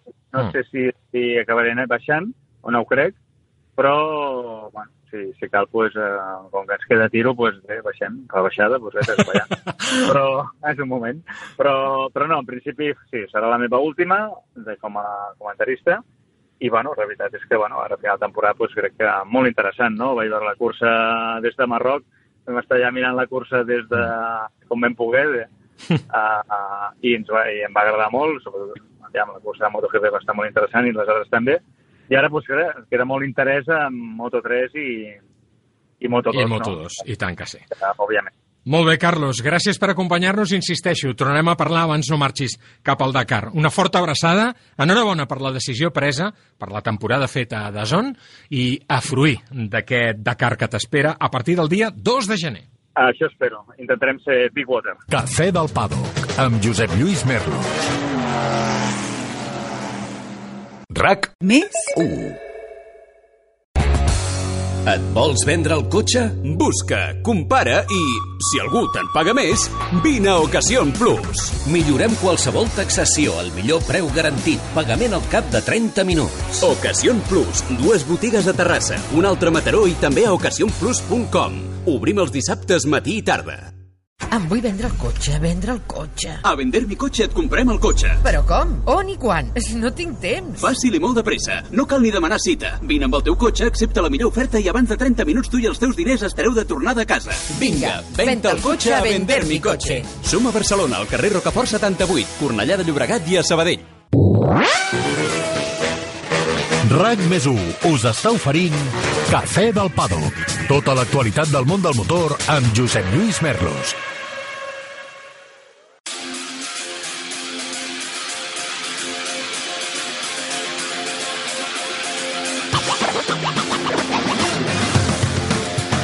Fa dos caps de setmana es va acabar al circuit d'Austin la segona edició de les W sèries, que com la primera, disputada fa dos anys, s'havia d'haver corregut l'any passat també, però per circumstàncies de la pandèmia es va haver d'ajornar, de posposar, millor dit, aquesta segona edició per enguany, la britànica Jamie Chadwick ha estat la campiona. Ha estat una temporada intensa, amb tres representants espanyoles. A la classificació general trobem a la onzena posició la pilot valenciana Marta Garcia. La Marta arribava amb moltíssima força aquesta cursa d'Austin després eh, d'una temporada amb resultats plens d'alts i baixos. Una temporada ajudada per Puma i per Fórmula de Campeones, que, com sabeu, és el programa del circuit de València destinat a ajudar a les joves promeses. Però, malauradament, la Marta Garcia no va poder participar a la segona cursa,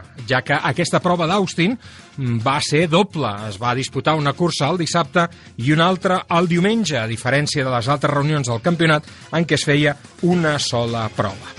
A priori, eh, no se sabien els motius exactes de la baixa de Marta Garcia, però al cap d'uns dies la Marta donava a conèixer la realitat de per què no havia participat en aquesta segona cursa a Austin. I ho feia a través de les xarxes socials amb aquest missatge. Hola chicos, solo quería haceros saber que estoy bien. Gracias por todos los mensajes, siempre aprecio vuestro apoyo. A veces subestimamos nuestra salud mental y no es bueno. Llevo sufriendo ansiedad desde hace mucho tiempo y ha sido mi compañera toda esta temporada, explicaba la Marta. Ayer sentí que tenía que dar prioridad a mi salud en lugar de las carreras. Es duro decir eso, pero pienso que era lo mejor para mí.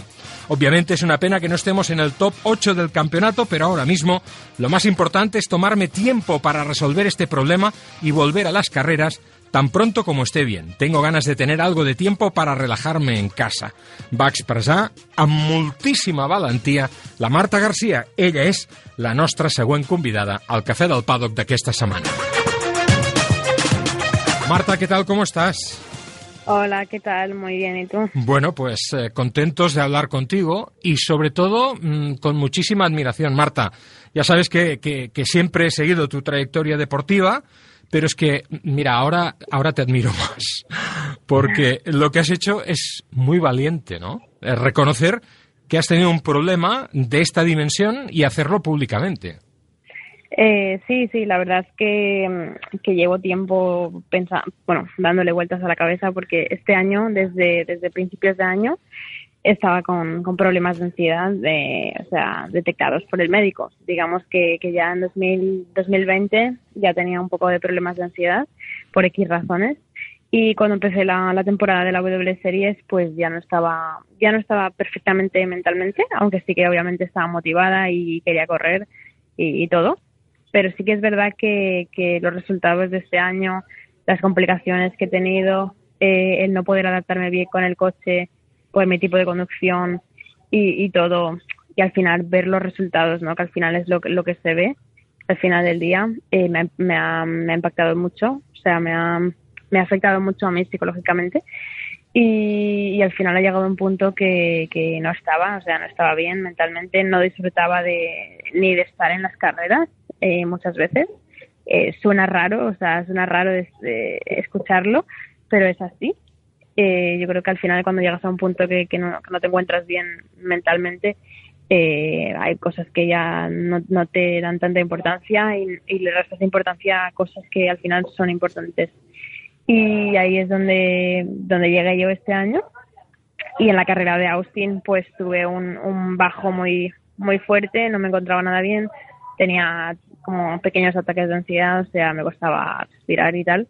De hecho, en, en, en la carrera, en la primera carrera de Austin, eh, no, o sea, cuando salía de, del coche y, y en la pista, eh, estaba mareada, no, no estaba bien, me costaba respirar y al final eh, dije, o sea, no puedo correr así, eh, no estoy bien, no estaba bien ni mentalmente ni al final físicamente por, claro. el, por el tema de la ansiedad y, y nada, decidí que, que, que, no quería correr, no quería correr porque no estaba nada preparada. Hubiera sido un riesgo, ¿no? Incluso. Eh, sí, quizás sí, al final, eh, no sé, podría haber, a ver, es muy complicado, pero bueno, quizás podría haber también pasado algo, ¿no? Porque mm, no estaba, o sea, como, como he dicho, pues eso, me costaba respirar y tal. Y yo pensaba, jolín, me he preparado físicamente eh, y estoy bien preparada. No es que me cueste respirar porque porque estoy ma- peor físicamente o porque me cueste más. O sea, no era, no era ese tema, porque al final salía del coche y las pulsaciones estaban a 95, 100 y no me bajaban en, en todo el día. Wow. Y al final estaba por ahí por el paddock y estaba con un nivel de, de, de estrés, ¿no? Un nivel como de, al final, una persona que se nota las pulsaciones altas eh, o que haces deporte, pues sabes que las pulsaciones altas, en más de lo normal, pues te las notas y es un poco molesto Claro. y al final estaba todo el día así y nada, decidí que, que, que no. De hecho, la noche del sábado eh, al domingo, que era la segunda carrera, no la pasé nada bien, o sea, no podía dormir.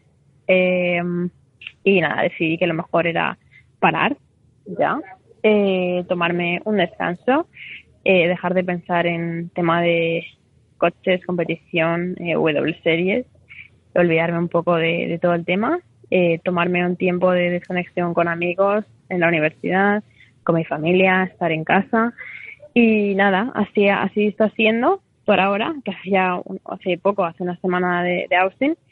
Y, am, y nada, pues a trabajar también psicológicamente. Y, y veremos el año que viene qué pasa. Y si, si puedo correr no puedo correr, también porque no estoy actualmente eh, clasificada en la, U- en la W Series. Eh, y tampoco sé cómo, cómo se va a hacer, si el equipo va a elegir los pilotos o si va, se va a hacer una selección.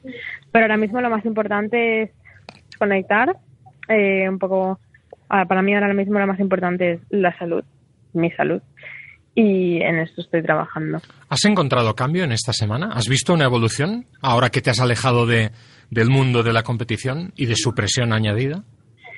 Pues la verdad es que me he notado más como alivio, por así decirlo, porque sí que es verdad que he estado todo el año como muy presionada por mí misma también. Soy una persona muy perfeccionista y, y también soy muy competitiva y quieras o no, tener estos resultados al final te afectan a ti psicológicamente, que no deberían de serlo tanto porque al final has de, has de pensar ¿no? en, en todo lo que has hecho durante todos los años que has competido, ¿no? Que yo, por ejemplo, corría en karting, eh, he ganado muchísimas carreras, he estado siempre ahí. El 2019 fue un buen año. Este año ha sido malo por X razones, no he podido adaptar con el coche, mentalmente no estaba bien. Pero bueno, al final te, te no estás en lo que tienes que estar y te empiezas a pensar demasiadas cosas y, y al final no, no es bueno. Simon Biles, Naomi Osaka, Paula Badosa, porque de algún modo también eh, reconoció públicamente eh, que había sido muy duro para ella tener que soportar la presión en una edad muy joven, con 17 años tan solo. Y ahora tú, eh, qué valientes que sois las chicas, porque sí que ha habido chicos, hombres, que han reconocido eh, tener problemas de este tipo a lo largo de su trayectoria deportiva, pero las que habéis dado la cara sois las mujeres. Hmm. Sí, a ver, eh, no sé, eh, ha sido así. Eh, sí que es verdad que yo conozco el caso, por ejemplo, de Simone Bellis y también Ujú. los que has comentado. Sí. Y bueno, no sé, no sé por qué razón. Igual las mujeres mm, no, no, no sabría por qué, por qué decirte por qué, porque nosotras somos las que tal. Eh, pero bueno, así es, ¿no? Eh, así ha sido. Eh, Marta, en el mundo del motor mm, no suelen hacerse reconocimientos públicos como, como el tuyo, pero sin embargo, el año pasado, Lando Norris en la Fórmula 1 eh, reconoció que para él su estreno en la máxima categoría del automovilismo deportivo fue durísima desde el punto de vista mental, desde el punto de vista emocional. Pilotos como Lewis Hamilton, Valtteri Bottas o Román Grosjean también han reconocido haber estado sometidos a una presión fuera de lo normal, a pesar de llegar bien preparados a la Fórmula 1. Y hoy, por ejemplo, mi querido amigo eh, Javier Rubio publica en el Confidencial un artículo que te recomiendo extraordinariamente y que habla precisamente de ello. El mundo del motor es más exigente que otros ámbitos deportivos desde el punto de vista mental para los que lo practicáis a este nivel tan alto, Marta. Eh, yo creo que sí, obviamente. Al final es como cualquier otro deporte. O sea, tú, tú tienes, o tú has trabajado muchísimos años eh, durante mucho tiempo por un objetivo, ¿no? Desde que te- desde que eras pequeño tenías un objetivo. Yo, por ejemplo, en mi caso. y al final que, tú quieres conseguir eso y al final tienes unos objetivos, te presionas por conseguir esos objetivos y, y obviamente sí, es, es un deporte que requiere de, mucho esfuerzo, mucho sacrificio y, al final te lo tomas en serio, o sea, yo esto me lo tomo en serio, no es, Claro. o sea, es un deporte que al final eh, sí, o sea, tienes eh, presión, tienes presión de, de, de tu igual, de la gente que te está mirando, de tu familia puede ser. En mi caso no tengo presión de mi familia después de, de, un- de tanto tiempo. Eh, y luego presión de toda la gente, de los mecánicos, de ingenieros, presión del equipo. Eh, tienes presión que te viene de muchos sitios y presión de ti mismo, que al final creo que esa es la peor. O sea, que si tú Claro. mismo eh, te metes presión a ti mismo y, vas a full, eh, tienes que tienes que controlarlo porque al final tú eres el que el que vas a hacer el cambio. O sea, si tú tu mente eh, está fuerte, ¿no? Y digamos que que no piensas en, en, en Buah, tengo que hacer esto, tal, porque si no, si no, no va a salir esto, si no va a ir mal, eh, pues tú mismo te la estás creando, tú mismo la presión. Pero bueno, al final siendo una persona, yo creo que las personas que son también perfeccionistas, eh, muy competitivas y, les gusta tener el control sobre las cosas, también sufren más este tipo de, de presión, porque, bueno, es, es, mi caso, por ejemplo, y también, pues, después de haberlo hablado un poco con, con la psicóloga y tal, eh, hemos llegado a la conclusión de que este tipo de personalidad suele sufrir más este tipo de, de, de ansiedad o de, o de presión. Sé de qué me hablas, ¿eh? Sé de qué me hablas. Yo no voy a 300 por hora eh, sobre cuatro ruedas, pero a lo mejor sí que voy a 300 en la vida y, y sé de qué, de qué me estás hablando. Oye, Marta, te recomiendo dos cosas. Bueno, una, que escuches la entrevista que emitimos hace un par de semanas con Jaime Adgersuari, que como sabes vivió un proceso no tan distinto de lo que tú me estás contando y, y en la Fórmula 1. A lo mejor te puede ayudar. Y, y te voy a comentar algo ya para terminar.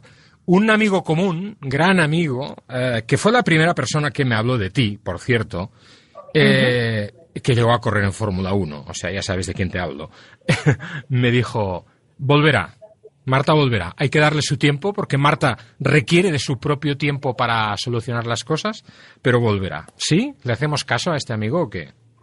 Eh, yo creo que yo creo que sí, eh, yo creo que sí. Claro. Sí es verdad que requiere un poco de tiempo, pero obviamente al final es lo que me gusta, es lo que quiero hacer y con un poco de tiempo de desconexión, tiempo de desconexión para mí y, um, y trabajo psicológico, yo creo que, que sí.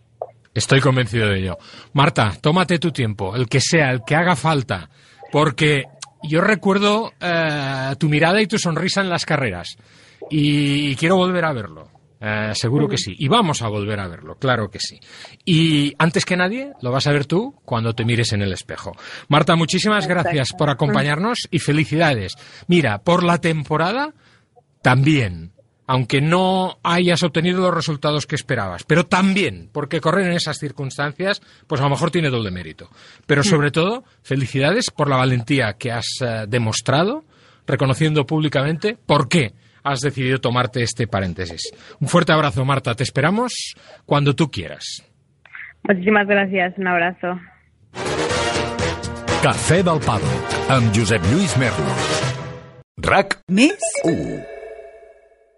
Em vull vendre el cotxe, vendre el cotxe. A Vender mi cotxe et comprem el cotxe. Però com? On i quan? Si no tinc temps. Fàcil i molt de pressa. No cal ni demanar cita. Vine amb el teu cotxe, accepta la millor oferta i abans de 30 minuts tu i els teus diners estareu de tornada a casa.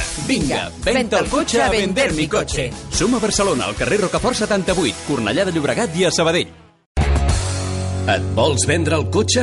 Busca, compara i, si algú te'n paga més, vine a Ocasión Plus. Millorem qualsevol taxació al millor preu garantit. Pagament al cap de 30 minuts. Ocasión Plus. Dues botigues a Terrassa, una altra a Mataró i també a ocasionplus.com.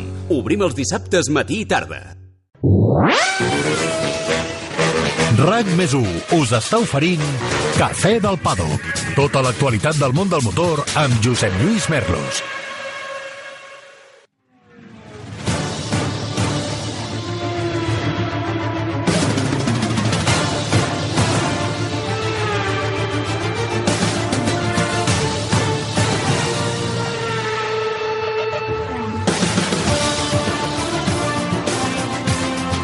Recta final del programa d'aquesta setmana, avui eh, donem la benvinguda a un bon amic, a una persona que conec crec que des de l'any 88 aproximadament, eh, fa d'això ja 33 anys, eh, quan el, el, el vaig descobrir per primera vegada. Ell va néixer l'any 1960 a Buenos Aires, Argentina, i uns quants anys més tard, després de mantenir una trajectòria professional com a pintor de cotxes, sobretot, i especialment en el món de la Fórmula 1, va decidir venir a Espanya i concretament eh, venia des d'Eivissa. Recordo que era una tarda d'estiu i jo estava a la redacció de Solomoto, on treballava en aquell moment, i em van dir, escolta'm, hi ha un noi aquí que porta uns dibuixos i que diu que voldria veure-us algú de vosaltres i tal, i, i algú amb bon criteri a la casa va eh, dir, aquest tio és molt bo, eh, era boníssim, però és que ara encara és millor, era boníssim. I van decidir que seria interessant d'incorporar-lo com a col·laborador a l'estructura del grup a l'esport per fer primer els cartells d'algunes competicions eh, que organitzàvem en aquell moment, com eren el Superprestigio Solomoto, la cursa de campions, el trial indoor i, i, i moltes altres, no? I el, el, portades també de llibres, eh, l'any de la glòria, eh, resums de, de la temporada que fèiem en aquell moment a la revista Solomoto. Juan Carlos Ferriño, com estàs? Hola, Josep Luis, què tal? Molt bé. Molt estem, estem molt contents que estigues aquí amb nosaltres. Igualmente, me alegro, me alegro de verte, hacía tiempo que no nos veíamos. 33 años, ¿eh? Sí, sí, pues increíble, increíble, pero sí, sí. Yo llevo más aquí que si soy más barceloní que porteño. sí, sí. Me acuerdo que me entregaron unos dibujos tuyos, los vimos con Enric Clará, con Jaime Alguersuari uh -huh. y dijimos, este tío es muy bueno, este tío es muy bueno. Y yo no había visto dibujos tan buenos eh, con la temática del motor eh, como los que tú nos trajiste en aquel momento. Sí, bueno, lo que pasa es que en aquel momento y ahora sigue siendo una, especie, una, una especialidad un poco extraña, ¿no? no para mí, porque yo dibujé desde coche de toda la vida, pero en general como especialidad era bastante extraña. Y, bueno, en su momento, eh, haberlos encontrado y, haberse, haber, haber, haber, estado tan bien recibido por Alesport y que me dio la oportunidad de, de trabajar en, en, las revistas y todo eso, para mí fue una gloria porque siempre digo que es la mejor profesión del mundo y, y poder hacerla es, es, recién llegado a la ciudad, además, y todo eso. Venías de Ibiza, ¿verdad? Venía de Ibiza de una de esas cosas que quieres hacer, que el plan es perfecto, pero como todo plan perfecto sale al revés de lo que está programado. Y entonces llegas a Barcelona, ciudad donde no conoces absolutamente a nadie, con dinero para una semana y totalmente a la desesperada, ¿no? Y bueno, ahí, no sé, me fui recomponiendo y ya han pasado 33 años. Tú empezaste 10 años antes, en 1978 en Argentina, empezaste trabajando para un grupo eh, muy importante, para un estudio sí. de diseño gráfico muy importante. Y además, empezaste ya directamente en lo que te gustaba, en el ámbito del motor. Sí, porque la gente esta era se dedicaban a hacer lo, lo que yo hice para la revista del Sport, ¿Eh? para la revista Corsa de Argentina, que era la única referencia automovilística que sí. había, y hacían unas ilustraciones absolutamente increíbles. Y yo lo fui a ver un día con mis dibujitos en blanco y negro, humildemente, pensando que me iban a sacar corriendo de ahí, y bueno, parece que estaban bastante bien los dibujitos, y con el tiempo empecé a trabajar con ellos y ahí me enseñaron la profesión. Porque, uh -huh me, me, me, ayudaron muchísimo porque me suavizaron el camino del aprendizaje. Pasaron trucos que a ellos le habían costado 20 años aprender y a mí me lo dieron servido. Entonces vas, vas mucho más rápido de lo que fueron ellos. Fue una, una gran escuela eso. Aquí arrancaste con motos, porque en Solo Moto, como dice su nombre, básicamente nos dedicábamos a eso, a la moto, pero en realidad eh, tus raíces vienen del, de, del automovilismo y en especial de la Fórmula 1, ¿no? Sí, porque en Argentina la, la, moto no tiene mucha, no tiene la repercusión que tiene aquí. Uh -huh. Entonces es, es, todo coche-coche, ¿no? Y ahí empecé con, con, con eso. Pero cuando llegué. Hombre, aquí, con un tal fangio de, claro, claro. de, de icono, pues ya no, ves. Y, y, yo tuve la suerte de, de, de, que tuvimos un Reutemann también. Claro. Entonces me vi todas las carreras de la Fórmula de los 70 completa porque estaba Reutemann por ahí. Claro. Y ahí se creó una afición enorme y yo ya la traía de desde que vi el primer coche de carrera en mi vida, ya me quedó, ya quedé, ¿sabes? Cuando quedas impactado por una cosa y ya a partir de ahí empecé a dibujar coches, ya no dibujaba nada más que coches. Sí. Ahora, ahora voy a dibujar el nombre de un coche en este papel, mm. ¿vale? Y eh, te voy a pedir que digas el, el, coche más bonito que has visto en tu vida y a ver si coincide con el que yo he escrito aquí. Venga, dilo. O seguramente, no sé si el más bonito, porque más me impactó que sigue siendo mi coche por excelencia es el, el Porsche 917. Mira lo que he escrito. Exactamente, sí, sí. Porsche 917 porque es el coche más bonito que he visto en Sí, mi sí, vida. yo- Y además tuvimos la suerte de verlo correr en Montjuic por primera vez. Claro. Los mil kilómetros de Barcelona con Claro. Derek Bell, que este fin de semana cumplió 80, 80 años, Derek. y Gis Van Lennep. Y sigo pensando que es el coche más bonito que he visto en Sí, mi sí. vida. Para mí fue una, una experiencia muy impresionante. Yo lo vi en los mil kilómetros de Buenos Aires cuando tenía 10 años. Y aquel día yo no comí todo el día. Estaba tan... mi, mi padre me decía, ¿quieres comer algo? Y yo, no, no, no. no". Estaba, pero estaba... eh, A mí me ha pasado igual, sí, sí. ¿eh? Yo te- mira, 10 años tenía también yo cuando vi el, el Porsche 917 por primera vez y me impactó muchísimo. ¿Y es el coche que has pintado más veces? ¿Puede? Puede ser, sí, sí. Porque yo he visto varios cuadros tuyos con, con el Sí, sí, lo 917. pin- lo pinté y muchas veces, Al sí. natural era bonito, pero es que con tus cuadros todavía lo es más. o sea, me encanta. En Solo Moto no te debíamos pagar mucho, porque allí no, no, no, entonces no se pagaba mucho. Pero ahora entre tus clientes hay una lista con Eddie Jordan, en su momento Jody Scheckter, Mika Hakkinen, Jack Villeneuve, Ross Brown, Ron Dennis, Sir Sterling Moss, pero también, ojo, Cliff Richards, Sí. Mick Jagger, Mick Jagger, sí. Keith Richards, otro de mis ídolos, Rowan Atkinson y George Lucas. ¿A estos les gustan los coches? ¿O es que a ti también te gusta la música? ¿no? Sí, no, yo también soy musiquero, un musiquero. Todo esto se debe a que yo empecé a trabajar con una gente, una compañía inglesa que ¿Ah? hacía de agentes de pintores de coches. Una cosa rarísima en el mundo, yo la fui a encontrar de casualidad, ¿no? Entonces trabajaban con dos pintores ingleses y yo fui el tercero que entró. Ajá. De ahí que su cartera de clientes era tan, eh, tan privilegiada porque David Sí. Mills, el hombre este, era un, un hombre que conocía a toda esta gente desde, desde hacía muchos años. Al Ron Dennis, de que era mecánico Ron Dennis. Eh, había una relación muy personal. Por eso tuve acceso al Steve Moss, al Derek Bell, a toda esta gente, ¿no? Y un día eh, decidieron, y se- me dice Juan Carlos, ¿y si, y si pintáramos músicos? Y bueno, a mí me encantaba la música. Hicimos una, una, una gran exposición en Londres de, música. Y como también lo conocían a Chris Ria, que fue nuestro contacto con el mundo musical y todo bueno. eso, Ujú. bueno, una serie de carambolas llevaron a ¿Tú has que visto? Hay mucha gente del mundo de la música que tiene vinculación con el mundo del motor. música y coche ¿eh? van juntos. Va de, la mano, ¿eh? Yo Va diría que a todos los músicos les gustan los coches y a todos los que les gustan los coches les gusta la música, pues es muy generalizado. sí. Yo no soy muy de los Beatles, soy más de los Stones y por Sí. eso me hace tanta ilusión que entre tus clientes tengas a Mick Jagger y a Keith Richards. Eh, pero la verdad es que eh, me acuerdo ahora de George Harrison y su Sí. pasión por, por el automovilismo sí, deportivo. la ¿eh? Fórmula 1, sí, Eh. Le, le encantaba, le encantaba. Eh, y en Barcelona habrás coincidido con Ronnie Wood, eh, Stone y Enfermo de la Pintura o no? Sí, no, fui a ver su exposición que le hicieron aquí, sí, ajá. Que pinta muy bien, me da mucha Tú rabia. pintas porque- mejor, tú pintas mejor. No, pero, que eres el guitarrista de los Stones y además, y además pinta así. Sí, sí, Lo sí. odio un poco, pero sí.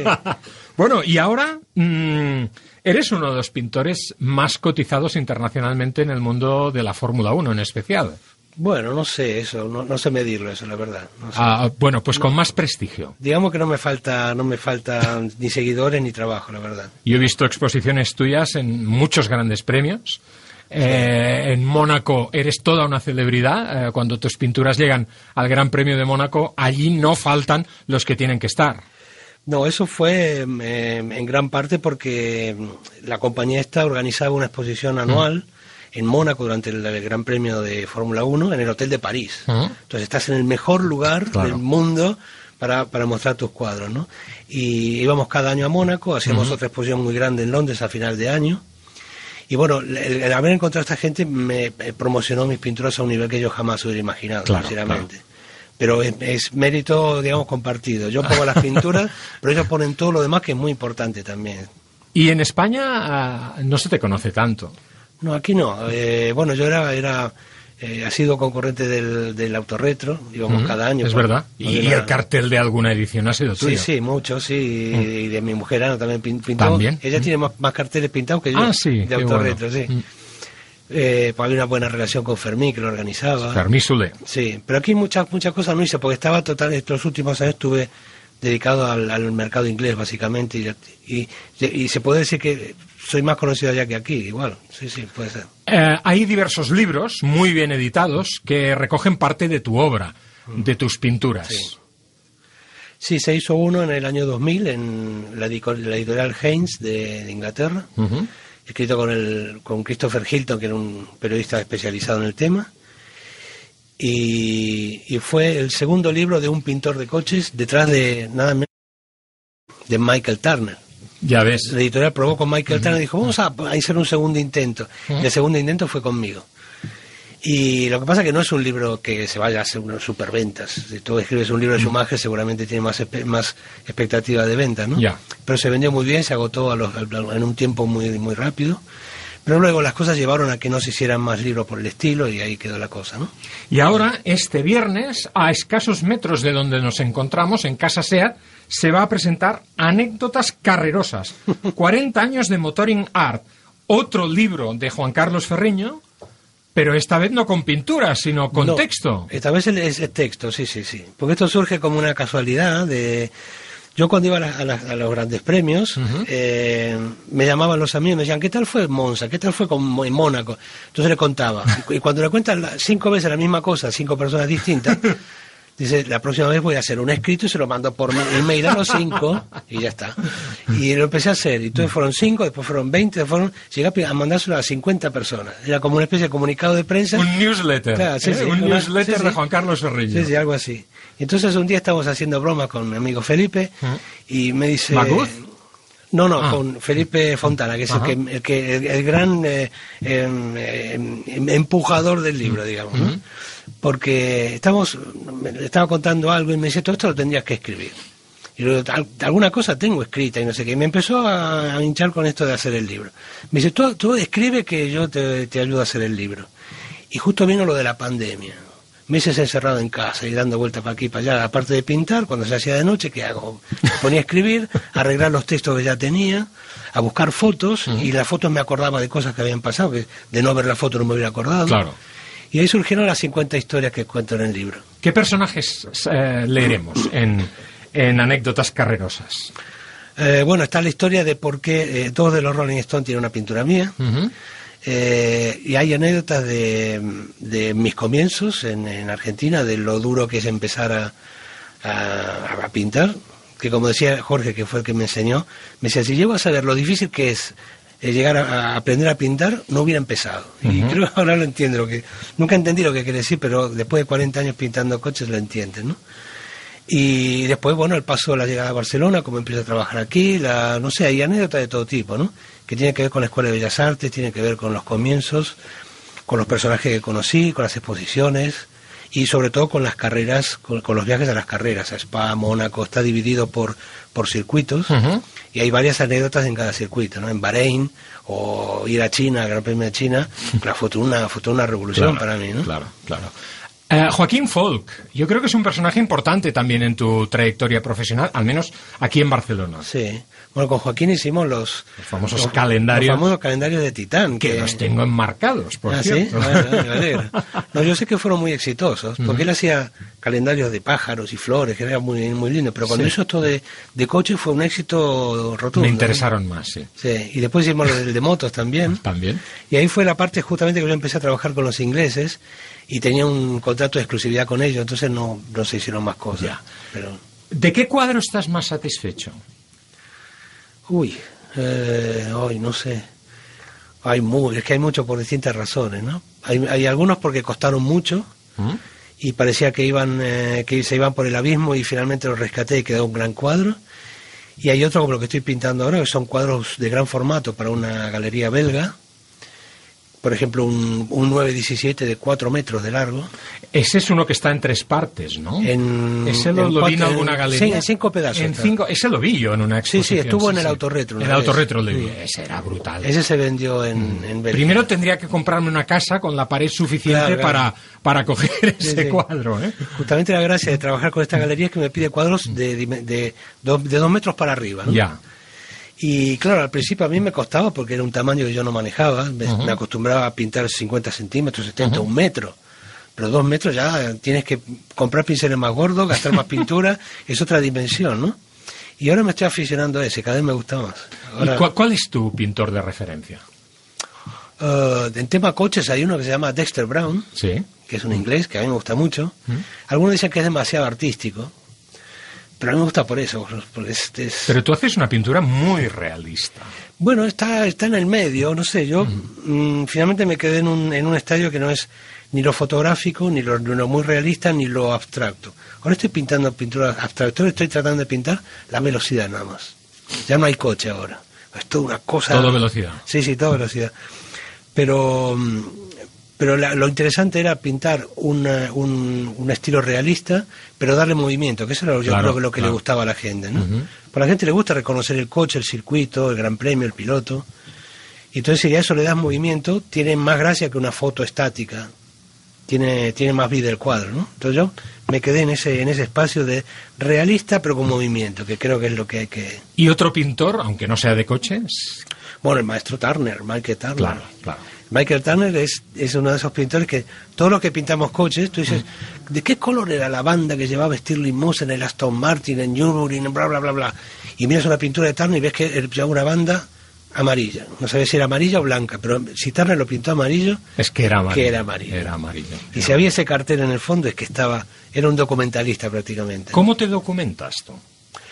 Con fotos y libros, un montón de libros y, y, y recortes de revistas y de todo. Yo iba guardando durante un montón de años todas las fotos que me interesaban Ujú. y tengo material de un archivo importante, más los libros. Y ahora con internet encuentras cosas muy raras también. Turner en pintura y Javier del Arco en información. Sí, totalmente. ¿Eh? Javier fue muy importante porque Javier me llevó al primer Mónaco en el 91, me llevó como fotógrafo. Yo que yo como fotógrafo yo fui, fui de cara dura, ¿no? Pero se publicaron algunas fotos mías que, que sirvieron finalmente. Y después con la primera exposición que hice yo en, en Mónaco, me fui con Javier, que Javier me dijo, tu primera exposición en Mónaco no me la pierdo. Y nos fuimos ahí con, el, con su golf blanco. Qué viaje. Sí, sí, con los cuadros, con Javier, sí. Algún viaje hice con, con el maestro también. Sí, sí. Juan Carlos, te veo el viernes en Casa SEAT. Ahí voy a estar porque no me voy a perder la presentación de anécdotas carrerosas. No te voy a pedir spoiler porque lo que vamos a hacer es recomendar a la gente que compre el libro. ¿Dónde se puede adquirir el libro? ¿Cómo? Bueno, en la presentación eh, se, podrá, se podrá adquirir ahí ¿Mm? y luego se va a poder eh, adquirir por eh, semanalclásico.com, Semanalclásico.com. que es una web de mi amigo ¿Mm? eh, Felipe, que es el que me va a ayudar a esto. Y, y ahí en Semana Clásico se podrà conseguir por, por internet. Una obra d'art, segur, com totes les que fa Juan Carlos Ferriño. Us la recomano. Jo encara no l'he llegit, eh, espero que sigui divendres per poder-la llegir, però em fa molta il·lusió aquest llibre perquè, insisteixo, fa més de 30 anys que conec el Juan Carlos Ferriño i des del primer dia vaig quedar absolutament enamorat de la seva obra i continuo amb la mateixa passió pels seus quadres. Juan Carlos, gràcies per acompanyar-nos. Al contrario, gracias a ti. Un saludo. I a tots vosaltres, gràcies per acompanyar-nos una setmana més al Cafè del Paddock. Tornem la pròxima per parlar, evidentment, d'aquest gran premi que s'ha de fer al circuit de Portimao, penúltima cursa del Mundial de MotoGP, i del Gran Premi de Mèxic de Fórmula 1 als Hermanos Rodríguez. Fins la setmana entrant. Gràcies. Adéu-siau. 20 seconds to the start of the 31st part of the race. RAC més 1 us ha ofert Cafè del Paddock. Tota l'actualitat del món del motor amb Josep Lluís Merlos.